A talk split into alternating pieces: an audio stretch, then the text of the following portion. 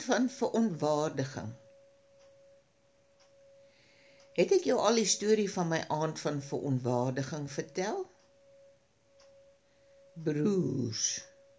Dit is jou as meisiekind se eerste love-hate relationship nadat jy jou oë as baba oopgemaak het. Jy weet nooit wat om met hulle te doen nie. Is hulle in jou kamer, wil jy hulle uit hê? Is hulle absent in die huis, is verveling jou voorland. Is hulle in jou omgewing, pes hulle jou. Jy bond net nooit met hulle soos met 'n meisiekind nie, want hulle lyk anders met hulle short back and sides en hulle trek vreemd aan. Kort broeke, kaal voete en grondtone.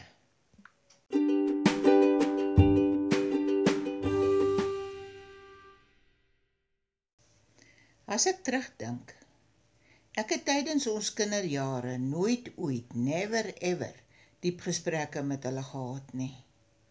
Of ek moet liewer sê, hulle het nooit diep gesprekke met my gehad nie. Drie skepe in die dag en nagtelike ure van die kinderjare met amper niks dialoog tussen hulle nie. Basics het getel. Hou op wanneer 'n gepestery aan die gang was. Ek gaan vir ma vertel as 'n pestry gebeur. Gaan doen iets wanneer jy oor een van hulle se skoue na die huiswerkboek kyk. Ja, stoot jy maar die pen regterkant toe oor die bladsy, dink jy by jouself en loop. Indien jy na gepestry by jou ma hulp gaan soek, word jy uitgehaal en beveel om te gaan speel. Wie wil dan gaan speel? Jy het nou simpatie nodig dan gaan sit jy maar buitekant op die stoeptrappie by die Stad Swyne Bruno. Hy is bly om my te sien. Ek onthou dit nog so goed soos gister.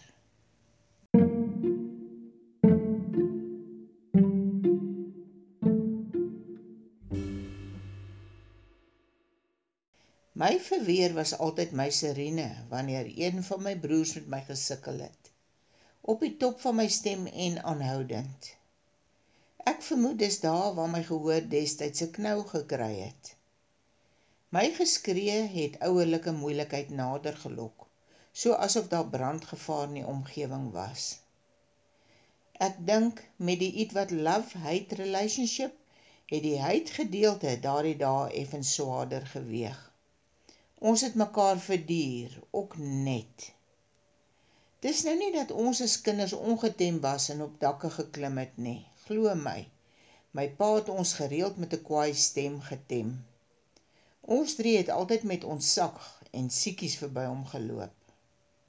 Maar soos kinders maar is, verdwyn die herinnering aan die streng kindertemmer wanneer hulle alleen is. Dan is hulle weer hulle autentieke selwers. Net vir oomblikke kon my pa dit altyd regkry om vrees in ons geleedere te saai. Dan, wanneer hy weggestap het, het vrees saam met hom weggegaan tot ons verligting en vreugde.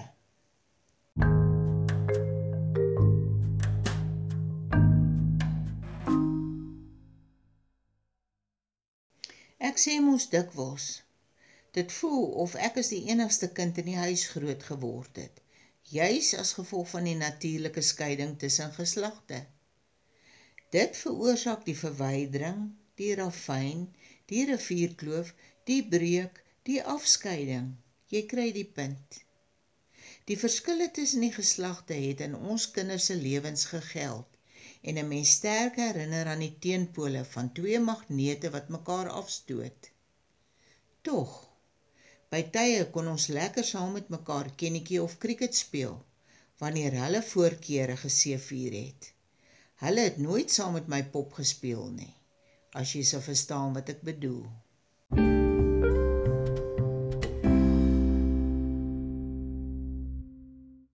En so gaan die jare toe verby. My broers het hulle vriende en ek my vriendinne. Dit kan nogal voordelig wees vir 'n meisiekind wat oor die draad begin loer. My oudste broer was 6 jaar ouer as ek en my ander broer 4 jaar ouer. Die draadloerdery was nie my lewensdoel nie. Ek was op hierdie stadium net in 'n observasie en terugglimlag sone. Die love-hate relationship tussen my en my broers het later aan ietwat verbeter en meer in 'n omgee rigting gevorder. Die dialoog tussen ons was steeds elementêr, want elkeen het te midde van mekaar 'n eie lewe gelei. Die etes aan tafel was die tye vir gesprek tussen ons gesinslede. Gee asseblief die bak met pompoen aan.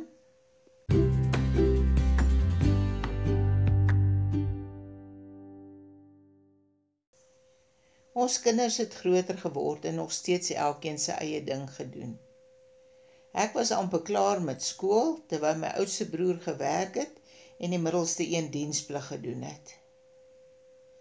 So gebeur dit toe om terug te kom by my Saterdag aand van verontwaardiging.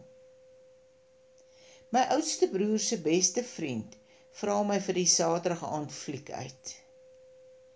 Ek was pas terug in ons tuisdorp na 'n jaar se verblyf in Pretoria en het nie met iemand vas uitgegaan nie. Ek het nie dadelik ja geantwoord nie. Ons het ooreengekom dat ek hom bietjie later sou laat weet. Jy weet mos, 'n meisie moet haar opsies oophou. Dit het ek dan ook gedoen want een van my jonger broer se vriende het my alreeds vir dieselfde Saterdag aand uitgevra. Hy moes ongelukkig, dis nou vir hom en nie vir my nie, ook vir 'n antwoord wag. Jy sal nou geneig wees om my nie te glo nie maar ek vertel nou die reine waarheid. Nog 'n ouetjie van ons tuisdorp het iewers gehoor dat ek weer terug is en my ook vir die Saterdag aand uitgenooi. Die drie in bespreking het nie van mekaar geweet nie en ek was stoep stil oor die nuus. Ek was intedeel net so verbaas oor die aftrek. Ek wou eintlik met myself uitgegaan het sodat ek kon agterkom hoekom ek so gesog is. Ek was immers net 17 jaar oud.